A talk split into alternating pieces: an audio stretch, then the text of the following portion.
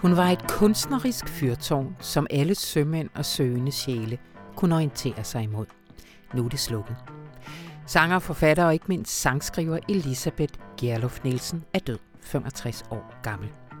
Og det har rørt mange mennesker, og det rørte også mig overraskende meget.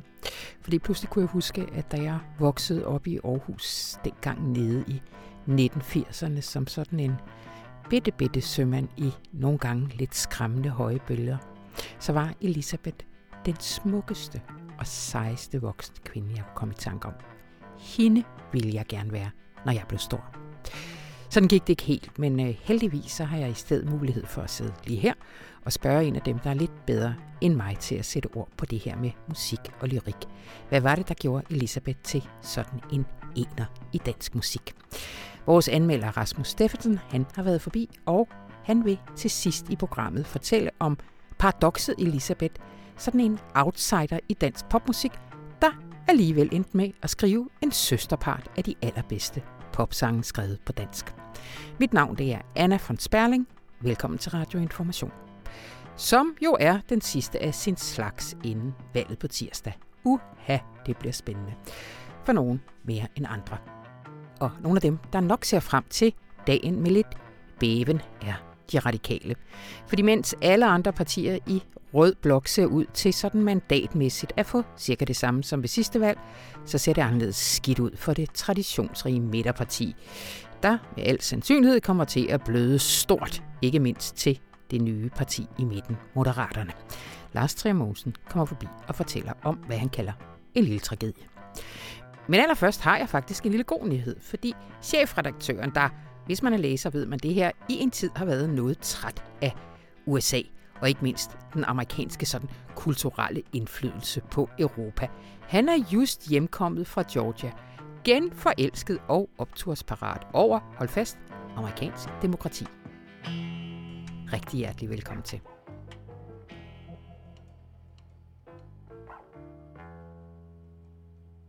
Hej Rune Lykkeberg. Hej Anna. Du har været på ferie.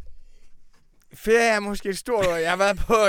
det er en slags ferie. Jeg har været på reportagerejse i Ja. USA. Ja. Og det føles som ferie. Uh, og det, som altid slår mig, og jeg har jo dækket mange amerikanske valg, det, der altid slår mig, når jeg kommer til USA, det er, når vi ser det udefra, så tænker vi, det er det mest vanvittigt dysfunktionelle demokrati. Så kommer du over og ser sådan en valgkamp, og så tænker du, hvor er det vildt så meget, de tror på det. Altså, hvor er det vildt så mange mennesker, der dukker op Mm. til valgmøder, og hvordan alle kandidaterne kører rundt i valgbusser. Og ved du hvad, Anna? Jeg har, vi har rejst rundt i Georgia. Jeg har været i en lille by, der hedder Sparta, med 1200 indbyggere, hvor Raphael Warnock, som er statens senator, kommer ud og taler med 50 mennesker om inflation og infrastruktur. Jeg har været i Atlanta, kæmpe, kæmpe, kæmpe, voldsom, voldsom storby, hvor samme Raphael Warnock står på Georgia Beer Garden og taler med, taler med et helt andet publikum Mm. om abort og kvindefrigørelse og tro. Jeg har været med Herschel Walker som republikanernes kandidat, som vi på mange måder synes er vanvittig, og talt med hans tilhængere, og hvordan han også står ude foran et øh, højorienteret galleri i Buckhead i det nordlige Atlanta, og det er simpelthen så livsgivende. Og så er det vel en ret øh, unik situation, at du så har stået og oplevet det, og så har du samtidig på din telefon haft den danske øh, valgkamp kørende. Altså, øh, hvordan, ser det, hvordan ser den danske valgkamp ud fra Georgia? Men underordnet, vil jeg sige. Fordi det, der er, når du er i Georgia, er en... Georgia er både en sydstat med en racistisk historie, berømt for voter suppression og, gør alt for de sorte, at skulle få indflydelse. Men Georgia er også den stat, hvor Martin Luther King er fra. Mm. Det er også der, hvor Ebenezer Baptist Church, hvor hans far prædikede, hvor han selv startede sin borgerrettighedsbevægelse. Georgia er den stat, hvor John Lewis kommer fra. Ham, øh, der døde sidste år, som, som blev slået i hovedet på, på broen i, i Selma, som fik kraniebrud, og efterfølgende gik ind i amerikansk politik, og som der blev sagt for hans begravelse, elskede USA så længe, at amerikanerne lærte at elske ham. Så det er både racisme og antiracisme.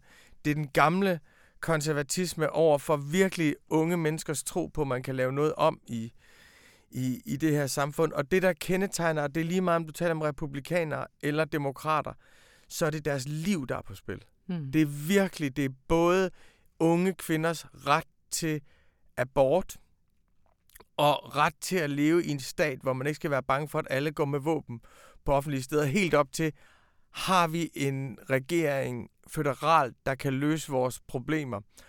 Det er så demokraterne. For republikanerne er det, er det her et samfund, der bevæger sig længere, længere og længere væk fra den kristendom, som de mener, det er, er grundlagt på? Er det her det er et samfund, der er kastet sig ud i hedonisme og indvandring og alle mulige former for misbrug, som glemmer ånden og troen og, og sandhed. Og den der fornemmelse af, at det er deres eksistens, mm. samtidig med, at det er deres samfund, den, når, når man har været i den og set, hvor utrolig meget fattigdom og hvor hårdt de er ramt af, af, af inflationen, så er, virker den danske valgkamp mindre vigtig. Men når jeg så kommer her, synes jeg selvfølgelig, den er utrolig ja, vigtig. Ja, ja.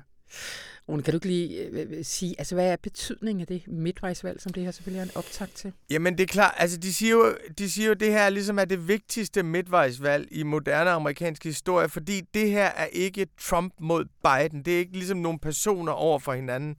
Det her, det er så at sige Trump mod Biden i alle stater. Du har i Pennsylvania John Fetterman, som er en enormt progressiv demokrat over for Mehmet Oz, som er en Trump-agtig tv-læge.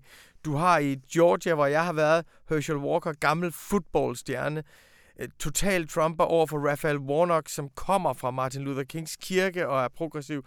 Sådan har du i alle stater de her opgør om, hvad for en vej USA skal gå. Så det er ikke personer mod hinanden, det er stater, det opgør i alle stater, samtidig med at magtbalancen jo er så lige, der står 50-50 i senatet nu. Og hvis republikanerne vinder, hvilket noget tyder på, så vinder de både huset, det er meget tyder på, at de vinder huset, så vinder de både huset og, og, og senatet, så de kunne blokere alt Biden gør for, alt Biden kan gøre herfra. Hvis demokraterne vinder og holder senatet, er der faktisk en del ting, de kan gøre, både på klima og økonomi.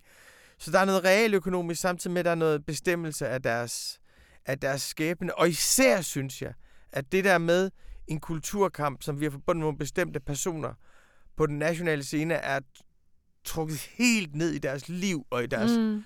i deres forsamlingshus, i deres måde at mødes på. Så, så, så derfor er der både noget med, hvordan ser nationen ud politisk, men også helt basalt, hvad skal vores liv være? Og alle man spørger, alle, alle, alle man spørger, for jeg har spurgt alle jeg mødte, og jeg har talt med mange mennesker, det er, er det her et land i forfald, eller er det her land på vej frem? Og de siger alle sammen, det her er et land i forfald. Vi okay. os væk fra det, vi var. Ja. Det her er et land, som vi plejede at være stolte af. Nu er vi i tvivl, vi skal skamme over. Det siger alle. Men alle de progressive siger også, vi har aldrig haft nogen unge, der er så politisk bevidste som i dag. Ah, ja. Og jeg har talt med mange sorte i Georgia, fordi Georgia er en overvejende sort stat. Atlanta er en meget, meget sort, sort by. Øh, de sagde, alle, alle de sorte sagde, prøv at høre, enten er vi selv vokset op med at plukke bomuld på marken, eller også er vores forældre. Mm. Og nu har vi altså børn, som er ekstremt kritiske over for hele det system, vi vokser op i. Børn, der ikke vil finde sig i det sprog og alt det, vi vokser op i. Vores børn skal nok redde os. Altså, de har så meget tillid ja. til den her. Og den der woke-generation, som folk er meget kritiske over for hjemme, der er så meget tillid til, at det engagement nok skal bære USA et nyt sted hen. Kæmpe optur. Jamen, det en... synes jeg skulle da. Det, nå, men det, jeg bliver glad for at høre det, fordi altså, det, det må nu kan det godt være, at vi tager 10 år mere af ren lort. Der er vel en generation, skal lige have lov ja, til men, at tage ved over, du, der, Jeg talte med en fyr, der hedder Clifford Armstrong, som kommer i avisen ikke nu på lørdag, men, men næste lørdag. Han er 71. Mm-hmm. Han, da han var 6 år, blev han sendt ud og plukke bomuld på markerne. 6 år. 2 cents per pound, sagde han. Og så sagde, jeg, så sagde jeg til ham til sidst, da han fortalte alt, hvad der var gået galt i USA, så sagde jeg, om det var blevet bedre, sagde han. Bedre? det er en anden verden. Han sagde, jeg har det stadigvæk som Sam Cooke sang i, i, i min ungdom. It's been a long time coming, but a change is gonna come. No. optur over Clifford Armstrong og Sam Cooke. Kæmpe optur. Øh, Rune, først slipper dig. På søndag, der er der den store klimamarsch. Ja, og det er klart, det er jo, på søndag er der folkets klimamarsch, og jeg vil opfordre alle, der lytter med her, så til at dukke op. Det er kl. 13 på Christiansborg. Slotsplads, det er ligesom nu, vi skal vise alle sammen, at vi stadigvæk mener det. At det ikke bare var, at vi skreg i 2019, at den er helt gal, og nu vil vi have handling. Men også når handlingen bliver konkret. Også når det handler om natur. Også når det handler om 54% reduktionsmål i 2025 at vi er med på en klimasamtale, som ikke handler om enten eller, men som handler om hvordan. Og der har vi brug for, at så mange som muligt kommer ud, fordi vi ved, at jo flere der er, jo mere skubber vi. Og jeg lover, at det bliver et brag på søndag. Ved du, hvem der kommer og synger? Nej. Jada! Uh. Så vær grøn og syng med på Jada. Det er tilbuddet på søndag. ja, og du kommer også og slutter lidt. Jeg kommer også og slutter Ja. lidt. Tusind tak, Rune Lykkeberg. Selv tak.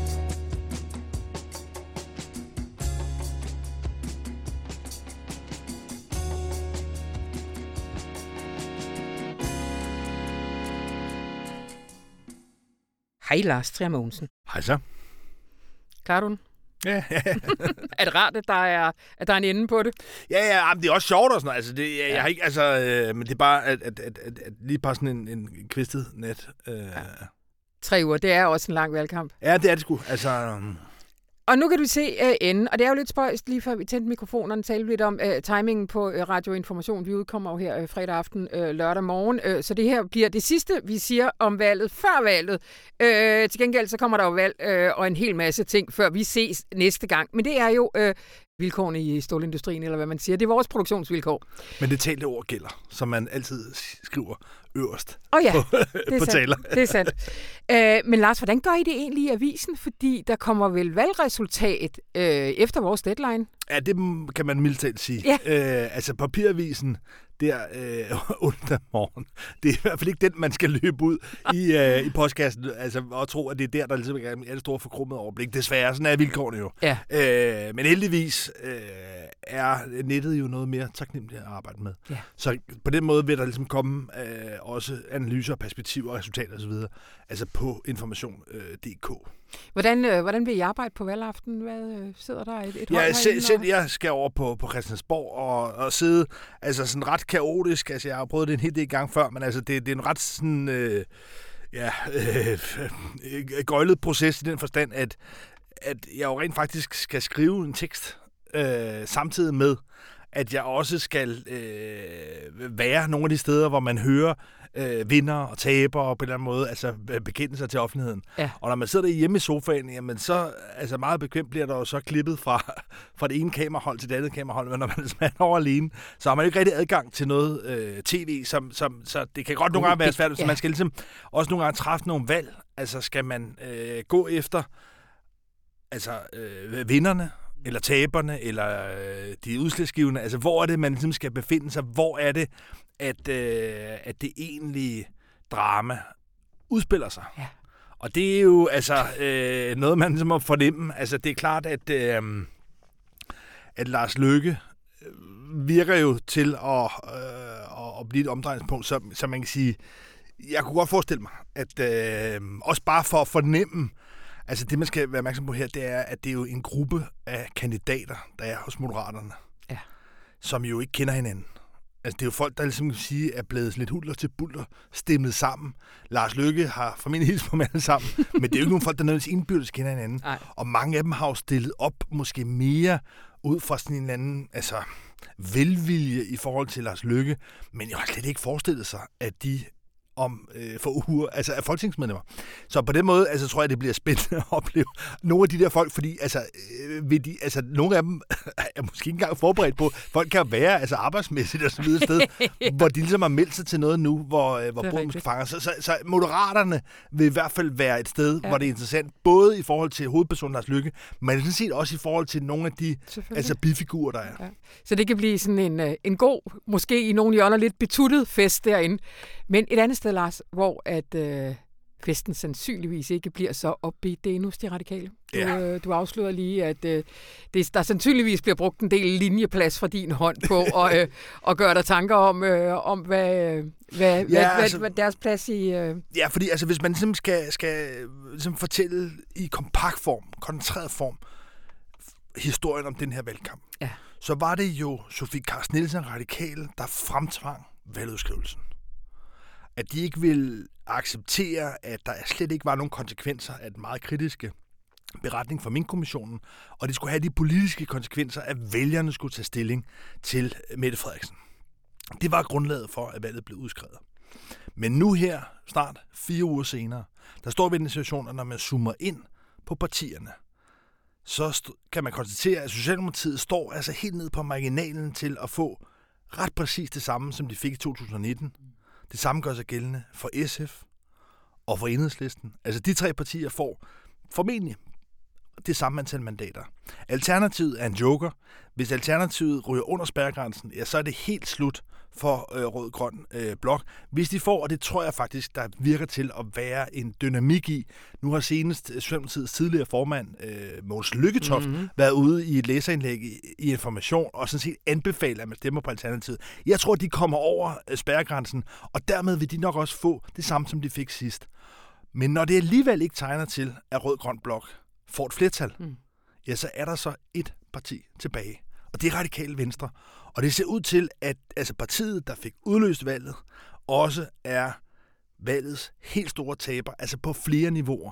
Fordi udover at partiet selv står til at blive halveret, ja, så står radikale altså også til i virkeligheden at sparke grundlaget væk under det forståelsespapir, som ikke mindst på klimaområdet, men også på andre afgørende emner, som radikal, altså øh, uddannelse eksempelvis, mm. men sådan set også i selv i udlændingepolitikken. Det kan godt være, at der ikke er sket nogen øh, sådan set annulleringer af stramninger osv., som radikale havde ønsket, men der er også altså det, det er i hvert fald stoppet i en anden forstand. Så, så radikale har jo på en lang række områder fået indflydelse, og det ser altså ud nu til at slutte bræt. Mm-hmm. Øhm, så, så, så man kan sige, så det kollaps, der har været for radikale, det at de står i virkeligheden til netto og sende vælgere hen over midten, over til Lars Løkke. Mm. Det kan godt være, at folk, altså, mange, altså, der, der er mange vælgervandringer og snirklede veje rundt i det politiske landskab. Men, men, men på bundlinjen, der ser det ud til, at det afgørende forskel fra sidste valg her er, at radikale sender altså et par procentpoint hen over midten over til Lars Løkke, og at radikale dermed spiller sig den indflydelse fuldstændig af hende, som de totalt opnåede i forståelsespapiret. Så det er en, øh, en tragisk fortælling ja. om noget, der jo paradoxalt nok må kaldes en form for radikal hovmod. Altså den grundlag, som radikale i virkeligheden havde for at ville udskrive valget, for at ville vælte Mette Frederiksen, det var jo sådan set en fortælling om, at Mette Frederiksen havde været enerådet, at hun havde været hårdmodig. Men i opgøret med Mette Frederiksen, ja, der øh, strakte radikale sig for langt, mm. øh, og begik, kan man sige, det hybris, som nu ser ud til at blive straffet og at det i virkeligheden er det, der er den afgørende faktor i det her valg. Så, så Sofie Carsten Nielsen har, øh, har forregnet sig. Ja. Sofie Carsten Nielsen og de andre radikale har ved deres øh, måde at agere på, har øh, altså gamblet. Og jo måske i videre perspektiv også gamblet med øh, partiets øh, parlamentariske rolle og indflydelse. Fordi det er klart, at hvis moderaterne også i det videre spil formår at bringe sig i en situation, hvor de meget stor sandsynlighed, med meget stor sandsynlighed kan blive altså et omdrejningspunkt i dansk politik, ja. jamen altså, så kan der da være masser af pragmatiske øh, vælgere og aktive medlemmer rundt omkring, som med tiden søger over det. Altså, jeg synes, en anden fortælling i det her valg er jo, at Dansk Folkeparti ser ud til at være totalt kollapset. Og pointen her er, at troskaben over for de gamle partier ser ud til at være i meget hurtig opløsning. Ja. Så man kan jo ikke nødvendigvis forvente, at selvom radikale har en lang og stolt tradition bag sig, mm. at de også nødvendigvis har en så lang øh, fremtid foran sig. Og der er det jo i hvert fald, at de har fået et virkelig grundstød for Lars Løkke, og absurditeten, paradokset er, at det er et grundstød, som de selv har fremkaldt. Mm. mm. Nu er det jo svært, fordi der er øh, valg kan gå i alle mulige retninger, så lad os lade med at spekulere i øh, det, det, de umiddelbare scenarier lige efter valget, og hvordan det placerer de radikale som støtteparti for eksempel. Men der har jo også været, også ret for nyligt, nogle ret hæftige interne magtkampe i de radikale om den sådan overordnede linje. Kunne man forestille sig, at, øh, at de kommer lidt frem i lyset? Det har der jo været, været lagt lidt låg på her i en periode. Det, der jo kan vise sig også at blive en personlig tragedie, det er, at Sofie Carsten Nielsen stiller op i det, der hedder København Omegn, mm. som er en af de absolut mindste altså, øh, storkreds, der er. Og hun kan altså ikke med de meningsmålinger, der er, overhovedet forvente selv at blive valgt ind i Folketinget. Og det er klart, at altså, øh, den kamp om lederskabet i Radikal er selvfølgelig ret hurtigt afgjort. hvis det viser sig, at Sofie Carsten Nielsen ikke engang bliver genvalgt, mm. og at hendes nok største udfordrer, Martin Lidegaard, ja. til gengæld bliver det, så er det jo på en eller anden måde altså ret hurtigt afgjort.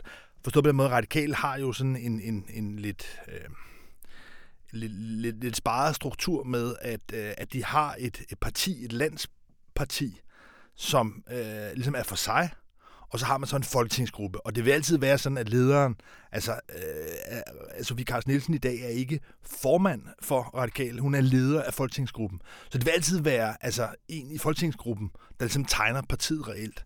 Og det er klart, at hvis Sofie Carsten Nielsen, og det vil jeg slet ikke udelukke, altså med, med de meget dårlige målinger, der er, så kan det være, at hun simpelthen har chancen også her og, og, og valg og, og vedblive med at stille op i en kreds, der simpelthen ikke giver øh, genvalg.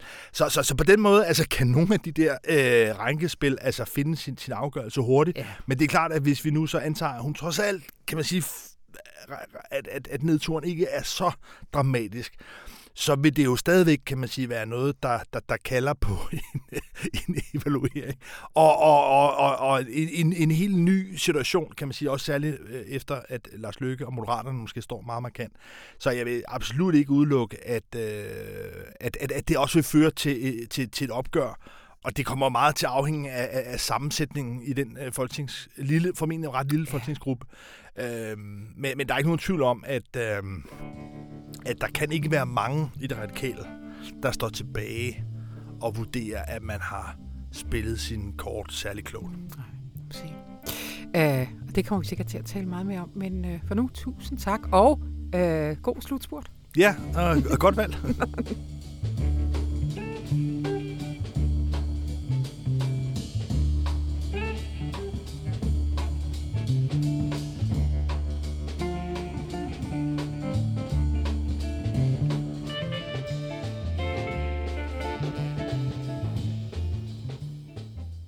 I et interview med Kristeligt Dagblad i 2019 i forbindelse med udgivelse af erindringsbogen Store Børn, erindringer om en familie, der fortalte Elisabeth Gerlf Nielsen, at hun gennem sin opvækst blev omtalt som hittebarnet af sine ældre søskende herunder Gnagsforsangeren Peter A.G.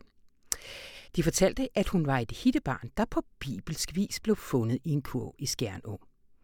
Da hun gjorde sit indtog på den danske musikscene med nybølgebandet Voxpop i 1980, følte hun sig også som et hittebarn, der ikke helt hørte til i dansk pop. I denne uge døde musiker og sangskriver Elisabeth Gerlof Nielsen, kun 65 år. Og velkommen til dig, Rasmus Steffen. Tusind tak. Musikanmelder her på bladet. Det var dine ord, som øh, jeg her læste op, og dem er der mange flere af i en nekrolog, som du skrev i avisen i den her uge. Du fortalte, at du var lidt gik rundt om dig selv, da redaktøren ringede og spurgte, om, øh, om mm. du ville skrive en nekrolog over Elisabeth. Øh, du mm. har jo fulgt dansk musik i mange, mange, mange år. Hvad gjorde du der af tanker med, om den opgave?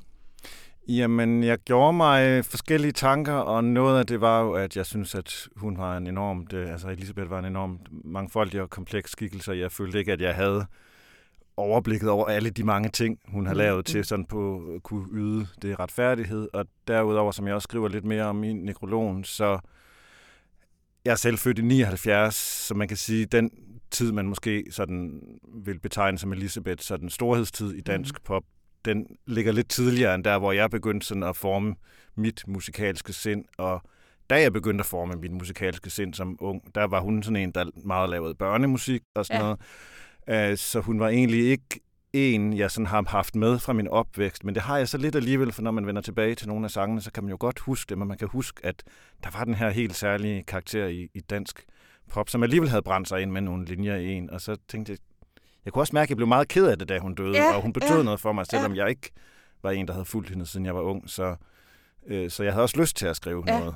men, men begyndte du så at lytte, eller hvad, hvad, hvad gør man så? Øh, jamen, så gør man jo det, at man øh, prøver at grænske sit eget sind, for hvad det egentlig, hun har sådan sat sig aftryk i en selv, ja. og også sådan prøver at kigge lidt. Jeg kunne jo også se på min egen sådan sociale medieflade, at, der, at man kunne mærke, selvom jeg måske selv tænkte, at hun var sådan en, ikke, ikke at hun var glemt, men hun var, jeg synes, nogle af hendes senere plader lidt overset i dansk ja. musik. Ja. Øh, så kunne jeg også se, at der er helt sikkert, især blandt mange andre danske musikere, der skrev om det her på, på Facebook blandt andet, ja. at, øh, at hun helt sikkert er en, der har betydet rigtig meget Ja. for rigtig mange, og hun bestemt var meget højt respekteret blandt andre danske musikere og sangskrivere.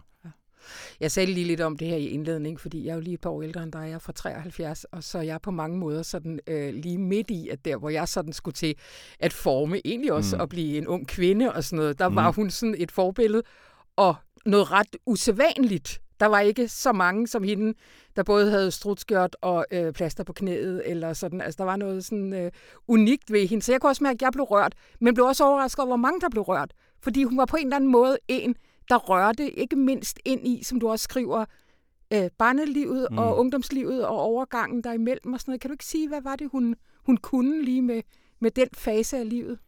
Altså, det var i hvert fald som om, at nu, for nu har jeg jo også, også været inde og lytte til nogle af hendes senere plader, som jo så meget handler om i virkeligheden øh, også om at være en moden kvinde, Ja. og, og, og have et, at der stadigvæk er et liv som moden kvinde, og en seksualitet og alle de her ting, Ja. som jeg faktisk synes, der er overraskende få, der har skrevet så godt sige. om.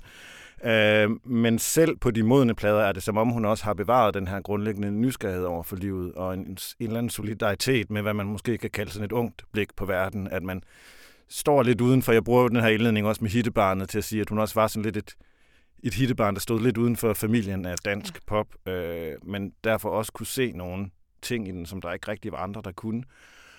Og det synes jeg jo er en sjælden gave som kunstner at have. Mm. Øh, og når hun så også har skrevet musik til børn, øh, så giver det jo endnu mere mening på en eller anden måde, og uden at jeg så har dykket voldsomt meget ned i hendes katalog af børnesang, Ja. øh, man sige, så, så virkede hun på mig som en, der var lige så ambitiøs egentlig, når hun skrev til børn, Ja. øh, og hun kunne rimelig sådan nemt bevæge sig fra det ene til det andet. Altså, det, der var ikke nogen modsætning mellem Ej. den ene dag at skrive en, en sang om at være øh, voksen og have en voksen seksualitet, og så også gå ind i det her barneblik på verden. Og det, det kan jeg ikke komme i tanke om ret mange andre i, i, i dansk musik, musik, musik i det hele taget, som, som havde den evne.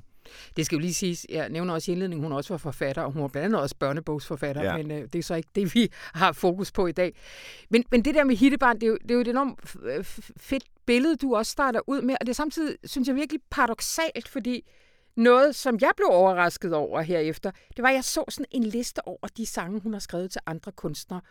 Og jeg blev helt flov over, at halvdelen af dem vidste jeg ikke, hun havde skrevet. Altså, hvis man vækkede mig om natten, havde jeg sikkert skudt på, hvad ved jeg, Rusted og Krøjsfeldt, mm. eller et eller andet. En af de der. Altså, det er jo helt, altså til både, ja, de, dem, sådan, øh, Søs Finger og Lis Sørensen og Dodo and Dozos og Radio og sådan noget. Og jeg, altså, at være ved siden af og lidt udenfor, og så samtidig lige midt i det årtis allerstørste sange. Det er da, det er da, et, øh, det er da en vild placering, eller hvad, hvad, hvordan, hvordan gjorde hun det, eller hvad det hedder? Jamen altså, jeg, jeg, det er jo det, altså jeg tror jo egentlig, at helt fra starten, man skal også huske, altså nogle af hendes egne sange, altså de var jo også hits i deres Kæmpe tid. hits, de, ja, ja. de, var ja. alternative hits, og hun havde en fremtoning, som måske skilte sig ud, men, men, men hun var jo respekteret. Øh, og igen, som jeg også sagde, altså, man kan mærke, at hun har været meget respekteret blandt andre sangskrivere, også for, altså, fordi hun bare havde et kæmpe, kæmpe stort lyrisk talent, som jeg Ja. synes faktisk er jeg næsten ved at påstå uden sidestykke dansk musik. Ja. Altså,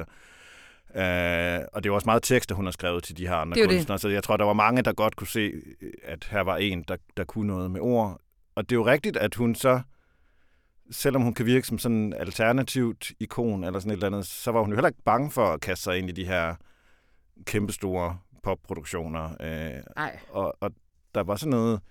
Jeg synes, hun gjorde sin, tingene på sin helt egen måde. Øh, og jeg ved selvfølgelig ikke, hvad hendes bevæg, personlige bevæggrund har været for at skrive sange, for de her, der har nok også været et økonomisk Man skal in- incitament. Men, Men skal ikke lige nu, nu fik jeg ikke Jo. sagt det, vel? Men altså, for radio har hun skrevet mandagsstævne møde, brændende læber, kys mig godnat, jeg vil have lysene brænde og væk mig. Mm. Eller sådan, altså det er jo ligesom, er det Det er jo ikke det, man husker radio for? Det er jo nogle kæmpe, kæmpe sange, Ja. og jo også nogle, som jeg selvfølgelig også... Jeg vidste jo heller ikke dengang, jeg trods alt voksede op, man kan huske de her sange, at, øh, at det var hende, der havde skrevet dem. Det er jo også noget, der er kommet til, til siden. Jeg kunne sådan mærke, at jeg havde behov for at vende tilbage til... Altså, jeg har vendt tilbage til flere af hendes sange senere i livet, selvom det som sagt ikke er noget, jeg selv er vokset op med. Og der er bare så mange virkelig, virkelig fantastiske linjer, især hendes egne sange, men, men jeg synes, at den der...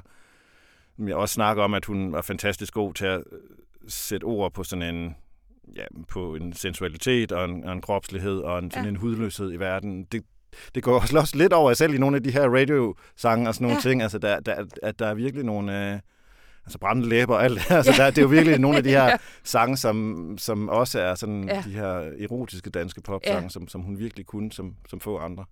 Du siger også, at hun ligesom på en eller anden måde formår igennem et helt liv at blive ved med at have åbne øjne og nysgerrighed på verden. Og øh, altså, det, er jo, det er jo lidt sådan en nekrolog. Altså jeg bliver sådan, når man siger sådan genopfinde sig selv, det er sådan, øh, det siger man måske også i nekrologer lidt for tit om nogen, der ikke gør det. Men, men jeg fornemmer i dine tekster, det, at det, øh, det mener du, hun gør egentlig også ved at skifte til forskellige øh, genrer. Blandt andet altså den danske salmeskat har hun mm. Første gang i 96 og siden, for få år siden, kastet sig over. Ja. Øh, det er noget, der ligger dit hjerte lidt nært, forstod jeg. Øh, ja, og jeg vil faktisk give Elisabeth en vis credit for, at det gør det, fordi Ja. jeg kan huske, at jeg hørte den her, hun lavede nemlig en plade med danske salmer i 96, som jeg ikke hørte på det tidspunkt, tror jeg, men har opdaget sidenhen. Og, øh, og der er bare nogle ting i den der, jeg tror det der, man nogle gange, når man får serveret sådan danske salmer, så kan det godt blive sådan meget, øh, jeg ved ikke, hvad man skal bruge ordet, lidt sådan, øh, nu skal vi have den her opbyggelighed ind, og den her sådan, øh, lidt- nogle gange lidt omklamrende, sådan, øh, eller dogmatiske kan det jo også Ja. være. Det er måske det, der som for mange kan stå i vejen, tror jeg. For jeg synes, at der er mange fantastiske danske salmer, men det, hvis man også er lidt et hittebarn i den kristne tro, så kan man måske også sådan føle, at der er noget dogmatik, der står lidt i vejen for al den her poesi, som det også åbner op for. Og jeg synes, at hun, når hun sang de her salmer, var enormt god til at åbne døren til det poetiske i salmerne, Ja. øh, uden at der stod sådan en mur af dogmatik i Ja. vejen. ja. Uh, og det, jamen, jeg tror også, man godt, uden at jeg har belæg for at påstå det, så påstår jeg det alligevel, at, at noget af salmernes sprog også er med til at forme nogle af hendes egne sanger, det her meget, meget poetiske og nysgerrige blik på verden, og den, sådan en, en eller anden form for ærefrygt over for livet, Ja. og en undren over for livet, som, som de bedste salmer jo har, når det ikke sådan skal overhældes med forklaringer. Og det synes jeg, at hun var enormt god til at formidle, og det var noget, som jeg i hvert fald følte gjorde, at jeg kunne nærme mig de danske salmer og sige, nå shit, det er også øh, det her, det kan. Altså. Ja. Og øh, du nævnte, så jeg på Facebook, en enkelt salme, som du også selv havde. Har du selv prøvet at spille den? Var det... Ja, det er jo fordi, jeg er begyndt at øh, praktisere at spille lidt øh, kirkeovl. Ja. Øh, det er jo mit forsøg på at genopfinde mig selv, men øh, og holde mig åben over for nye ting. Men, men, men, men det var virkelig en salme, der ramte mig øh, meget, meget sådan, øh, jeg ved ikke, hvad man skal sige, meget direkte, da, da jeg hørte hende synge den. Og vi kunne jo... Øh, vi får en gang mellem lov til at spille lidt musik her i Radioinformation. Mm. Aldrig et helt nummer, det er for dyrt, ikke? Men mm, Mm, vi, kan, mm. vi kan godt. Og jeg synes, i stedet for at spille alt det, som øh, vi jo godt kender øh, med Elisabeth, så synes jeg, vi skal spille en af den salme, der, øh, Mm. der betyder meget for dig. Kan du ikke lige fortælle om den? Jo, det er jo en salme, der hedder Simon Langsomt Hæver, som mm-hmm. er en, øh, kan man sige, en aftensang. Og aftensangene i salmerne, de bliver jo også tit brugt som en slags begravelsessang. Øh, det, det er jo også en salme, der betyder meget for mig, fordi en nær veninde af mig selv, den blev brugt til hendes bisættelse, den her salme. Øh, og jeg synes, Elisabeth synger den helt fantastisk, sådan at, at den virkelig kommer til, også til at handle om en nærhed mellem mennesker, den her sang. Ja, der er en meget smuk ro i den måde, hun formidler den på, synes jeg. Jamen, øh, tusind tak til dig, Rasmus Steffensen. Selv tak. Og den kommer her, og jeg når lige inden at sige, at øh, det var alt, hvad vi havde for den her uge. Mit navn det er Anna von Sperling, og programmet det var klippet af Anne Pilegaard Petersen. Simon